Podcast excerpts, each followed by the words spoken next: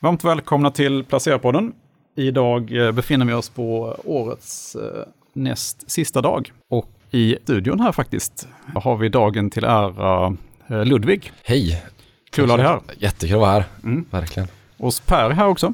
Ja, jag är alltid här nästan. Men det är kul att Ludvig är här igen. Ja, det är kul. Jättetrevligt. Jag har saknat det. Jag har saknat det. Mm. Och jag heter Karl. Ja, vi ska ju ta upp en massa trevliga ämnen idag. Bland annat eh, vinnarna på DAX i Tyskland och eh, lite amerikanska vinnaraktier. Eh, och vi ska prata lite, vad ska du prata Ludde? Ja, Angie ska jag prata om. Angie ska du prata om. Mm. En marknadsplats. Mm. Den vill vi veta mer om, känner jag. Ska vi köra igång med en direkt då kanske? Ja men gör det, vad är Ja. Angie för något? Tänk dig själv så här liksom när du ska boka en tjänsteleverantör, kanske en snickare och sånt där. Då kan du liksom boka det här i en app eller på internet. Så en marknadsplats som lite som Blocket fast för tjänster. Så det är ganska populärt i USA. Det har inte kommit till Sverige riktigt och inte stått igenom här riktigt än. Men i USA är de stora då verksamma inom. 95% av omsättningen kommer ifrån USA och 5% ifrån Europa. De har även tyska My Hammer, det. Just det, den kommer jag ihåg att den var, den är väl uppköpt av dem här, precis. Den Ja, var ju visst. noterad tidigare. Ja, det var noterat innan. Ja, den eh, hade jag på min radar då faktiskt. Ja, Mm. Så det är ju intressant med marknadsplatser. Jag tycker ju om sådana affärsmodeller. Vill, alltså de skapar ju nätverkseffekter och så är det skalbart. Eh, Men aktierna har ju gått ganska dåligt. De har ju inte nått upp till det här 20-procentiga omsättningstillväxtmålet under corona nu. På grund av att det har varit brist på tjänsteleverantörer på plattformen. Alltså man inte lyckats få in De har inte tillräckligt många utbudet hantverkare liksom. helt enkelt. Det, utbudet har ju laggat och efterfrågan har ökat. Efterfrågan har ökat i pandemin. Folk vill ju fixa hemmet och Mm. folk, flyttat, folk har flyttat ut till landet också. Vilket också är en så här långsiktig trend som har gynnat dem. Och Mm. gynnar dem, säger vdn. Ja, det finns en del andra trender också. Till exempel att eh, Ja, men det har varit mycket fastighetsaffärer också, tänker jag på. Ja. Fastighetspriserna har gått upp och man vill ju ofta fixa när man har en ny fastighet. Och millennials också är ju mer benägna att använda nätet än gamla generationer. Vilket också är en sån här trend som kommer driva ja, Ja. utvecklingen inom branschen. Den är inte mogen. 80% av marknaden är offline i USA. Och millennials köper fastigheter nu. Det vet vi. De börjar äntra fastighetsmarknaden. Så jag tror på det. Nej men vi har ju äh, pratat om mitt... Jag har ett litet problem hemma med kylskåpet som brakade ner och väntat på en hantverkare i flera dagar och som skulle komma. Eh, som inte har dykt upp. Som aldrig kommer. Nej, som aldrig kommer. Så nu fick jag en annan hantverkare som var förbi igår och kommer tillbaka idag. Men det har ju tagit mycket tid. Ja, Framförallt har jag pratat mycket om det och varit lite precis. sur. Ja, lite sur har varit. Ja, och det tar ju mycket. Jag säger för mig en sån här tjänst är perfekt. Ja, precis. Och det som är grejen nu då, som är triggersarna då, det är ju att de har gjort en ny affärsmodell liksom. Att de, de har utvecklat en grej under några år här nu som heter pre-priced offering som ingen har gjort innan. Det handlar alltså om att man kan, man kan förutbestämma ett pris på en tjänst. Vadå, är det som ett fast pris? Ett fast pris. Att jag, att jag kan liksom se vad din toalettreparation kostar. En kan liksom ta det och veta vad det betyder. Alltså prissätta Jaha, detta. en standard toalettreparation kostar så Ja, men grejen är måste, du måste ha jättemycket data i detta för att kunna sätta ut ett pris på varje med algoritmer och AI och allt vad det innebär. Så de samlar data genom Zillow, amerikanska Zillow, som du har skrivit om Carl. Eh, Precis. Ja. amerikanska Hemnet. Typ Hemnet ja. Mm. Eh, Som som inte har gått speciellt bra. nej, det var väl, vad var det där nu igen som hände? Ja, det var problemet var att de eh, hade gjort en, en, eh, en AI-tjänst som köpte upp eh, fastigheter, eller bostäder då. Och eh, den var lite felkalibrerad så de köpte dem för dyrt helt enkelt. Eh, Så att de gjorde, gick back på varje fastighet som de köpte. Ja, den har gått riktigt dåligt den aktien. Ja, det var dåligt. Så de beslutade sig för att ta bort det här affärsområdet helt och hållet. Okej, Ta en rejäl eh, förlust på, jag tror det var 500 miljoner dollar. Det aj då. var jättemycket. Oj. Så att eh, aktien har väl typ halverats. Ja.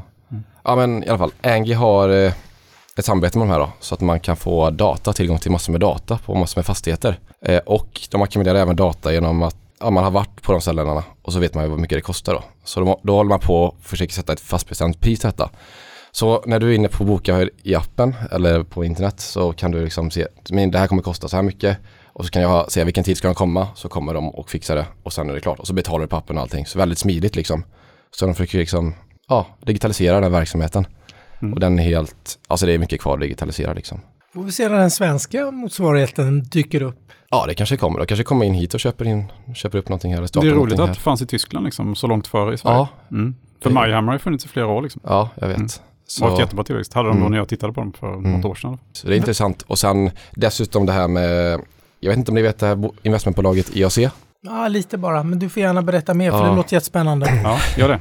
Det är en aktiv ägare då, som går in i, mar- alltså de, i digitala marknadsplatser och går in som aktiv ägare och ändrar om och ju försöker göra förbättra det. Så de har ju varit inne i Match Group som jag har aktier i.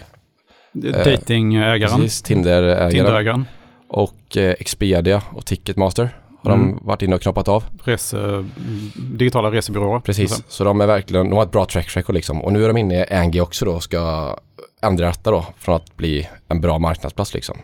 Så det finns liksom en del triggers här då som kan bli bra på sikt då. Men det gäller att ha lite tålamod med den här aktien för den har ju inte gått så bra.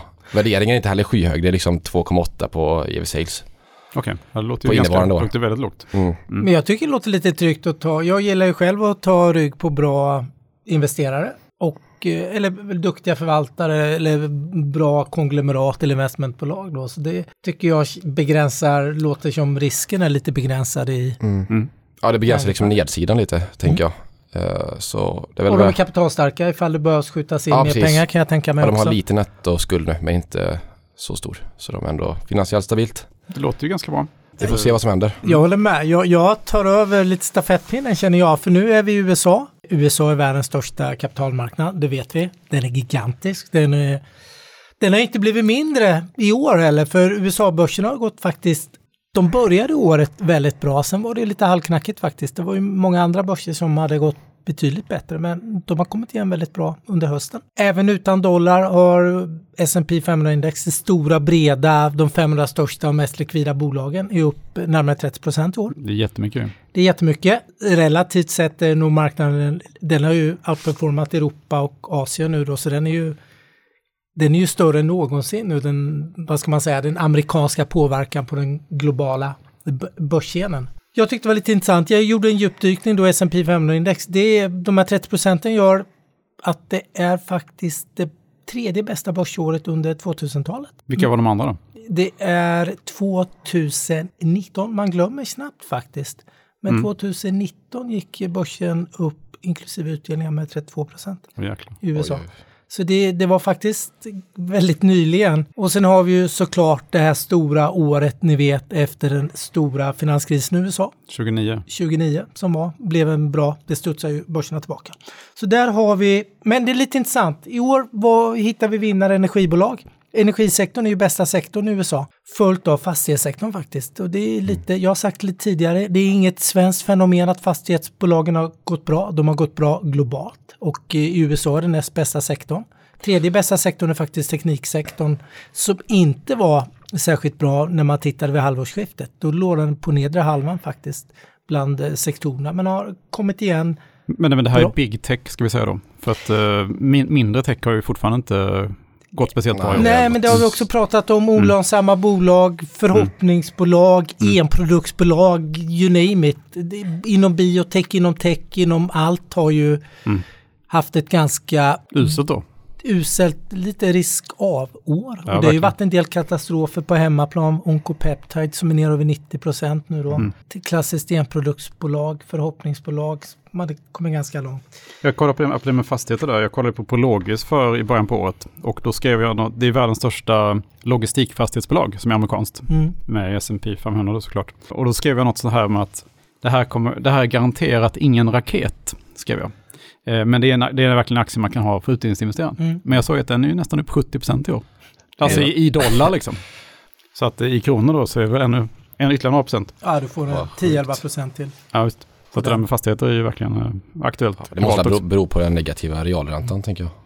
Framförallt. Ja, Men vi har Nvidia med på listan igen. Mm. Det är, jag, nu har jag inte varit jättedjupt tillbaka men de gånger jag har skrivit de här 10 topplistan, den är ofta med. Och bubblar. Så den och Fortinet, den har väl du tittat lite på Karl Lans, eller de här cybersäkerhet. Det är, det är ett cybersäkerhetsbolag eller IT-säkerhet, mycket inom nätverkslösningar. Men ändå sådana här brandväggar och den typen av alltså eh, just säkerhet. Fortinet har jag då inte kollat på. Men jag vet Nej. att det är med i, i De två, är, listan. de två är de här riktiga, vad ska man säga, stora vinnarna på bland teknikbolagen och så hittar på listan. Sen hittar vi, som jag sa, energibolag såklart. Men Moderna är där i år igen. Okej, De var ju där i fjol med en, en uppgång som var riktigt, riktigt stark. MRNA-tekniken, fortfarande het. Ja, Alla ska ju ha en booster för eh, nästa nya varianterna och så. Ja, och sen så kanske den är här för att stanna också lite. Förra året gick den upp över 400 procent, Moderna, och var en av vinnarna tillsammans med Tesla som kom in väldigt sent. Då. Men, men vi tittar då även på förlorarlistan. Där hade ju du och jag, av de här 500 bolagen ungefär 80 bolag som har negativ avkastning. Mm. 200 bolag har gått bättre än indexsnittet, än de här 30 procenten då, i år. Eh, Men 80 bolag är på, på minuslistan och det är kanske inte så överraskande lite kasinooperatörer. Eller som så här, Fysiska ja. spelhallar och sånt då. Men det är också digitala spelare. Som vi tittade, vi hittar Activision Blizzard på förlorarlistan. Ja, de Grottade vi lite vidare hittar vi de andra två stora Take-Two och EA. har också minusavkastning i år. Så där ser man väl lite ett trendskifte från i fjol och de hade ju väldigt starka år. Och sen ja, måste hittar ha en backlash, precis ja. Ja, och Och sen- Activision också, de har ju haft lite problem med företagskulturen och spelsläpp och sånt där. Så det har väl också gett sitt till kursen. och en coronavinnare hittar vi som är corona, Digital Payments, en stor digitala betallösningar som gick upp eh, över 110 procent i fjol. Parkeras ju också med en sån här skön liten avhyvling i år på dryga 30 procent på aktiekursen. Så man hittar lite fjolårets coronavinnare blev lite förlorare men även fjolårets coronavinnare som Moderna. är. Fortsätter Ja. vinna. Mm. Men vet ni vilken som är bästa bilaktie? Ja, det vet vi. Ja, det vet ni. Jag Mm, ja, det vet men det, det finns det. faktiskt en bil. det. Det är Ford Motors som är här. Mm. På, gått upp 130 procent. Inte det elbilskonverteringen? Liksom? Konvertering till elbilar? Det det är elbilskonverteringen. Tesla har faktiskt gått ganska bra också. Den har ju inte en sån här enorm eh, utveckling som i fjol när den gick närmare 700 procent. Men den är faktiskt upp någonstans 60-70 procent. Mm. Vilket gör att den, blir, den är faktiskt femte största eller sjätte största bolag nu i börsvärdet Mm. mässigt sett. då. Så det, det har hänt mycket på två år om man tittar på Tesla. Men hur ser det ut på DAX då om vi tittar, vi pratar ju om det, de tre största bolagen i USA börsvärdesmässigt. Är mer värda än vad de 40 största bolagen är i Tyskland. DAX 40 alltså. Vi har ju gått från DAX 30 till DAX 40 under året. Men inte ens med tio bolag till, till så, så, så orkar man. Nej. Men hur har DAX 40 utvecklat sig nu då, sen det blev DAX 40? Eh, alltså på helåret då så har DAX 40 gått 15,5 procent ungefär upp. Så att det är ingen jät jättestark uppgång om man jämför med Sverige eller USA här i Ja, alla det är halva uppgången då Ja. ungefär. Och eh, om man kollar på bolagsspecifikt då så det som framförallt eh, har dragit det är ju medicinteknik och eh, läkemedel då. Så att jag vet ju att eh, två av de tre bästa aktierna finns ju redan i eh, Pastols portfölj här sedan länge liksom. Och eh, den ena är då Sartorius, den bästa. Ja, just det. Den Upp gillar- eh, 74 procent i år. Oj. Och näst bäst är Merck, som ju också är amerikanskt, äh, tysk-amerikanskt då. Ja, den Eh, äger ju inte. Upp 64 procent, den äger du inte. Nej. Och anledningen till att den har gått väldigt bra nu då, det är ju för att de har ju med ett nytt eh, coronapiller då, som ska rädda livet på människor när de väl är sjuka. Den tredje bästa är då Siemens Healthineers, som är upp 58 procent. Den Ja. skrev jag faktiskt om för ett år sedan. Den är jag faktiskt lite nöjd med. De, Ja, köpt, förstår jag. de gjorde ju en... Varian köpte de va? Varian köpte de Mm. och då skrev jag om det. Eller var nog i vintras. Mm. Och eh, väldigt spännande bolag tycker jag. Gör Ja. väldigt mycket. Ja. Och fjärde bäst är faktiskt gamla jätten Deutsche Post. Det tycker jag är intressant. Upp 38 procent. Men inte det leverans, levererar inte de som bara den nu? Det är DHL-biten tror jag som driver eh, uppgången i Deutsche. Deutsche Post. Så att, eh, men de, har, de är duktiga. Intressant. De har ju en viss bankverksamhet också. Jag noterade också att Deutsche Bank är upp 20% i år. Det är ju en aktie som alltid har legat på förlorarlistan under de senaste tio åren. Så att eh, det, kanske, det har ju vänt lite grann för banker eh, under det här året i euro- europeiska banker. Mm. Så index är väl upp ungefär 30% för bankindex i Europa. Deutsche Bank, eh, till och med Deutsche Bank är upp. det är lite intressant. Jag tror att det är fjärde bästa sektor faktiskt, eh, globalt, är bank, eller bank och finans i år. Och det kan ju fortsätta nästa år om vi får lite räntehöjningar också. Eh, om man kollar på sämsta aktierna på eh, index så är faktiskt min favorit eh, Siemens Energy där, minus 32 procent. Och eh, det som eh, tynger Siemens Energy framförallt är ju eh, råvarupriserna. Och sen är det då problem hos eh, dotterbolaget Siemens Gamesa som eh, haft problem med projekt eh, i Brasilien bland annat. Eh, de, de, byggt, de bygger de här, jag såg precis igår att de hade dragit igång världens största vindkraftverk i Danmark. Mm, jag såg det också. Eh, som är nästan 300 meter högt. Då. Ja, det är fruktansvärt. Eh, så att både tre vingslag kan ladda en Tesla och sånt där. Men det är ju Siemens Gamesa då som bygger det. Så att det är framförallt havsbaserad vindkraft de är duktiga på. Mm. Eh, men här byggde de då, gjorde ett projekt där de byggde landbaserad vindkraft i Brasilien. Och det gick helt, har gått helt åt skogen då och gjort Mm. att hela årets resultat har gått hädan. Och även dragit ner då Siemens Energy. Men den har ju många struktur, den är ju extremt strukturellt, är den ju helt rätt. Ja, den, lig- det- Kan man tycka, Den, den ligger ju så, precis, den ligger ju perfekt egentligen i tiden. Och jag kollar också på sådär hur analytikerestimaten är för nästa år. Och då är det ju, den följs ju av 16 analytiker, Energy och 13 då sätter ju köp på den nu. Så det är ju drygt 80 procent då som eh, ser köpläge i den. Så att eh, vi får se här vad som händer. Men det är kanske är det klassiska ändå, om man ska hitta de som levererar hackar och spalar till Siemens Energy. Det är kanske där man hittar de riktiga vinnarna. Kanske. Vad vet jag? Ja. Mm. Det är för dig att grotta vidare på.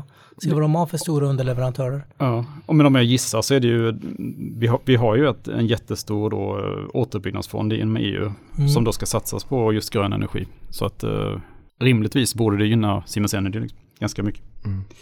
Eh, de är ju också med inom det här, inom eh, produktionen av grön vätgas. Då. Så att, eh, de finns ju där också.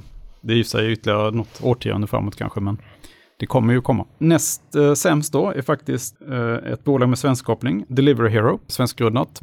Ja, de som har Och Niklas Foodora. Östberg. Foodora de va? Foodora äger de ju, heter varumärket Sverige då, som också har tappat. Och det var väl också sådär som vi pratade om att corona vinner då blir förlorare igen, skulle Mm. jag se det som. Det är en aktie som har gått väldigt starkt då. Men även här då är analytikerna väldigt positiva inför nästa år. Det är också 80 procent då som sätter köp på den.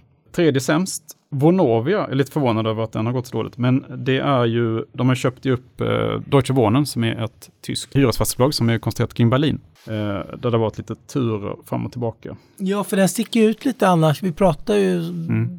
fastigheter har gått väldigt bra. USA är det, och även i Stockholm och på många platser så har det varit en vinnarsektor i år. Då. Mm. Men här sticker ju Vonovia ut och det är ju en, den aktien ser man ju väldigt många Europafonder. Ja, Det är många som har den som, för det är ett av de största, Ja. eller, ja du får rätta mig, det kanske rent av är det största Det är ju i alla europeiska fall, i alla fall Europas största uh, hyresfastighetsbolag. Det- Jag Mm. vet inte, kommer det till och med världens största. Men den är väldigt, väldigt stor ju. Och eh, s- största ägare i det här bolaget är ju också norska oljefonden faktiskt. Som äger då eh, drygt 7 av bolaget. Och det är lite unikt, för de brukar inte vara största ägare. Men även här då är analytikerna positiva för nästa år. 70% ungefär sätter köp.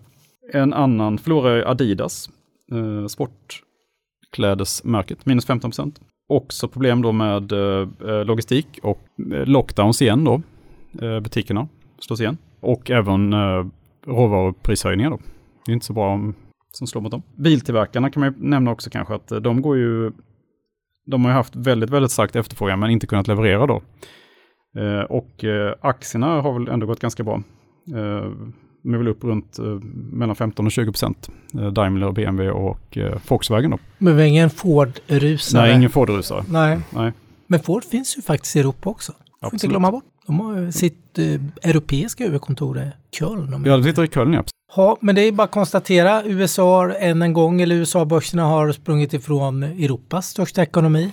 Ännu en gång, faktiskt. Mm, det hör inte till ovanligheten direkt. Nej, det gör inte det. här. Får vi se hur det blir eh, nu eh, 2022. Ja. Jag vet inte hur värderingen är på DAX 40, men eh, Den är, nog, den är inte överdrivet hög. Eh, nu vet jag inte exakt vad den är, men det är, man, man pratar, alltså alltid när jag eh, tittar så är det ju att det är läge värderat. Mycket ja, men jag lägre menar värderat. biltillverkarna har ju Ja. inga superhöga P tal även Deutsche Bank är ju hyggligt lågt värderad. Ja. Nej, så värderingsmässigt så är det ju, det är ju alltid värderingsmässigt ska du köpa Europa, liksom, om, du, om du ser på det hållet.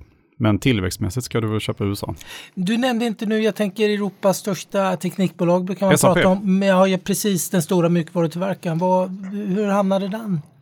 Eh, SAP är upp precis som snittet faktiskt. Mm. Eh, 15,7 procent i år. Så att den har inte varit någon, eh, den har inte dragit i år heller faktiskt. Men det har ju annars sedan, alltså det, det är ju många, vi pratade om att eh, tech, vad sa du, var tredje eller fjärde bästa sektorn. Så att det har inte heller varit dragloket i USA då. Nej, och även vi hittade ju, det fanns ju mjukvarubolag som inte har gått upp i år heller. Adobe var ingen, ingen. Mm. Nej men till exempel Salesforce är också upp ungefär 15 procent i år. Mm. Eh, och det är väl en konkurrent kan man säga till SAP, på vissa plan i alla fall. Jaha, men har ni gjort någonting nu för årsskiftet här då? Jag, gjorde, jag, gjorde, jag var ju i Costa Rica och där gjorde jag ju en del affärer. Jaså? Alltså gjorde du fysiska affärer? satt du, Nej, inte fysiska. när var man uppe då? När sitter du? Tidsskillnaden, vad är den som USA? Den är åtta timmar. Åtta timmar? Så det, Mm. ja inte från USA då, men, för nära det, men från Sverige är det åtta timmar. Eh, så där tänkte jag lite på att det är, ju helt, du där då? det är ju helt underdigitaliserat. Helt underdigitaliserat mot Sverige. Okej. Så då tänkte jag vilka bolag kan gynnas av detta? Och då tänkte jag direkt Mercado Libre. Mm. Och då kollade jag in på den aktien och då ser jag att den har ju fullständigt kraschat kan man ju säga. Mm. Så ja, jag har kollat på den och jag tyckte det var intressant med Mercado Pago, betalningslösningen, eh, och eh, e-handeln. Mm. Eh, så de har ju väldigt dominant ställning där också i Brasilien och Costa Rica också dessutom och Argentina. Argentina va? Så det är ett väldigt intressant bolag så jag Ja, värderingen såg ju mycket lägre ut än vad den var för ett halvår sedan verkligen. Eh, sen är ju inte värderingen, det är inget värdecase direkt kanske, men det växer ju så fruktansvärt fort. Men pratar du med några lokala förmågor där? Ja, jag frågar Försökte höra lite Ja, hur, hur, hur hette Mercado Libre? Ja, ja men då, då, jag pratade med henne och han sa att Mercado Libre verkligen är, det är det bästa. Liksom. Mm. Det är där man går sen in. är det ju en jag frågat också så det kanske inte är så men jag har i alla fall kollat lite grann. Eh, så det jag har köpt eh, lyckades väl köpa ganska bra där i botten av ren tur. Men eh, kanske fyller på lite mer ifall den, jag tror, jag tror på det på sikt i alla fall. Det, Mm. det finns sån tillväxt där liksom. Mm. Jag köpte ju själv den faktiskt. Jag har också haft eh, Mercado Libre på radarn väldigt Mm. länge liksom. Men, men tyckte att jag ville ha ett läge att gå in i den. Och Mm. nu kom det där läget. Ja det kom verkligen, det har verkligen gått Mm. mycket. Den har inte gått så mycket nu heller. Det är fortfarande nere på ganska låga nivåer mot Ja, toppen. Jag tror att jag ligger väl plus minus noll nu Ja. ungefär. Ja, det ligger väl plus kanske 20 procent tror jag. Mm. Och då kommer du verkligen Ja, ner ja, på ja, botten. det är ren tur. Ja, just det. Axon Enterprises. Ja, också. vad kul. Den har jag ju köpt eh, ganska nyligen. Mm. Den vet jag att du har skrivit om Karl. Ja. Så det var ju så jag fick reda på den. Eh, de håller ju på med, vad säger jag, Elpistoler. främst elpistoler då. Mm. Till Taser. polis. Ja, precis. Men nu också har de, ja, sen har de också de här kamerorna då, kroppskameror. Mm. Och nu har de även börjat med mjukvara då, för några år sedan. Som är det mest intressanta då. Till exempel har de ju eh, det här, som Cir- Circle Science som vi pratat om här innan. Så har de ju, de övar ju upp eh, för robotkirurgi. Så övar de upp poliser med, ja, med simulering inom händelser och sånt där då. Också i mjukvaran. Sen är det andra mjukvarugrejer också som växer. Och det växer ju fruktansvärt fort. Och har väl högre marginaler. Så det tror jag verkligen på. Eh, och den, har också, den är ju också dippad nu när inflationen och grejer. Mm. Så den har jag också köpt lite grann i. Äng köpte jag också för ett bra tag sedan. Vilket inte varit så bra affär. Nej. Eh, men jag hoppas på en turnaround där som jag skrev i artikeln här. Annars är det väl inte så mycket mer. Nej. Det, inte. Så det är en del. Jag brukar inte göra så mycket affärer men nej. nu det är ganska mycket nya innehav i alla fall. Nu Ja, är du trevligt. positionerad inför det nya året. Exakt. Så nu hoppas jag få en uppgång i de här aktierna. Mm. Det blir det säkert. Jag blir lite Mercado Libre intresserad faktiskt. Du har ju skrivit om dem för länge jag har sedan. skrivit om dem och jag, jag vet att jag gillar dem och betallösning så det har ju gått väldigt dåligt. Jag har ju Amazon och på någon annan e-handlare. Det har ju varit dåligt år för e-handlare också. E- helt klart. Även. Men risken är väl den politiska där i Mercado Libre. Men om man kollar på det underliggande fundament, fundamenta så ser det ju fruktansvärt bra ut på alla grafer med omsättningstillväxt och vinst. Men de är diversifierade i flera länder också. Precis, så Det är jag, ett. ja, det är ju inte helt, det är inte bara ett land så det är också en diversifiering på det sättet. Och de har bra ägare också. Mm. Ja, precis. Amerikanska ägare. Verkligen, så det, jag tror det gäller att Bra grundare och ja, se hela... skillnad på värdering och fundamenta. Mm. Det är inte som att vara i Alibaba till exempel, där du har, eh, Nej.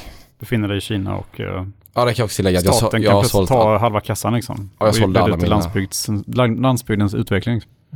Nej, precis. jag har sålt alla mina Alibaba också. Jag Jag var tvungen att göra det också faktiskt. Ja, det var inte bra. Och alla, alla kinesiska innehav tyvärr. Ja, jag har inget kinesiskt nu.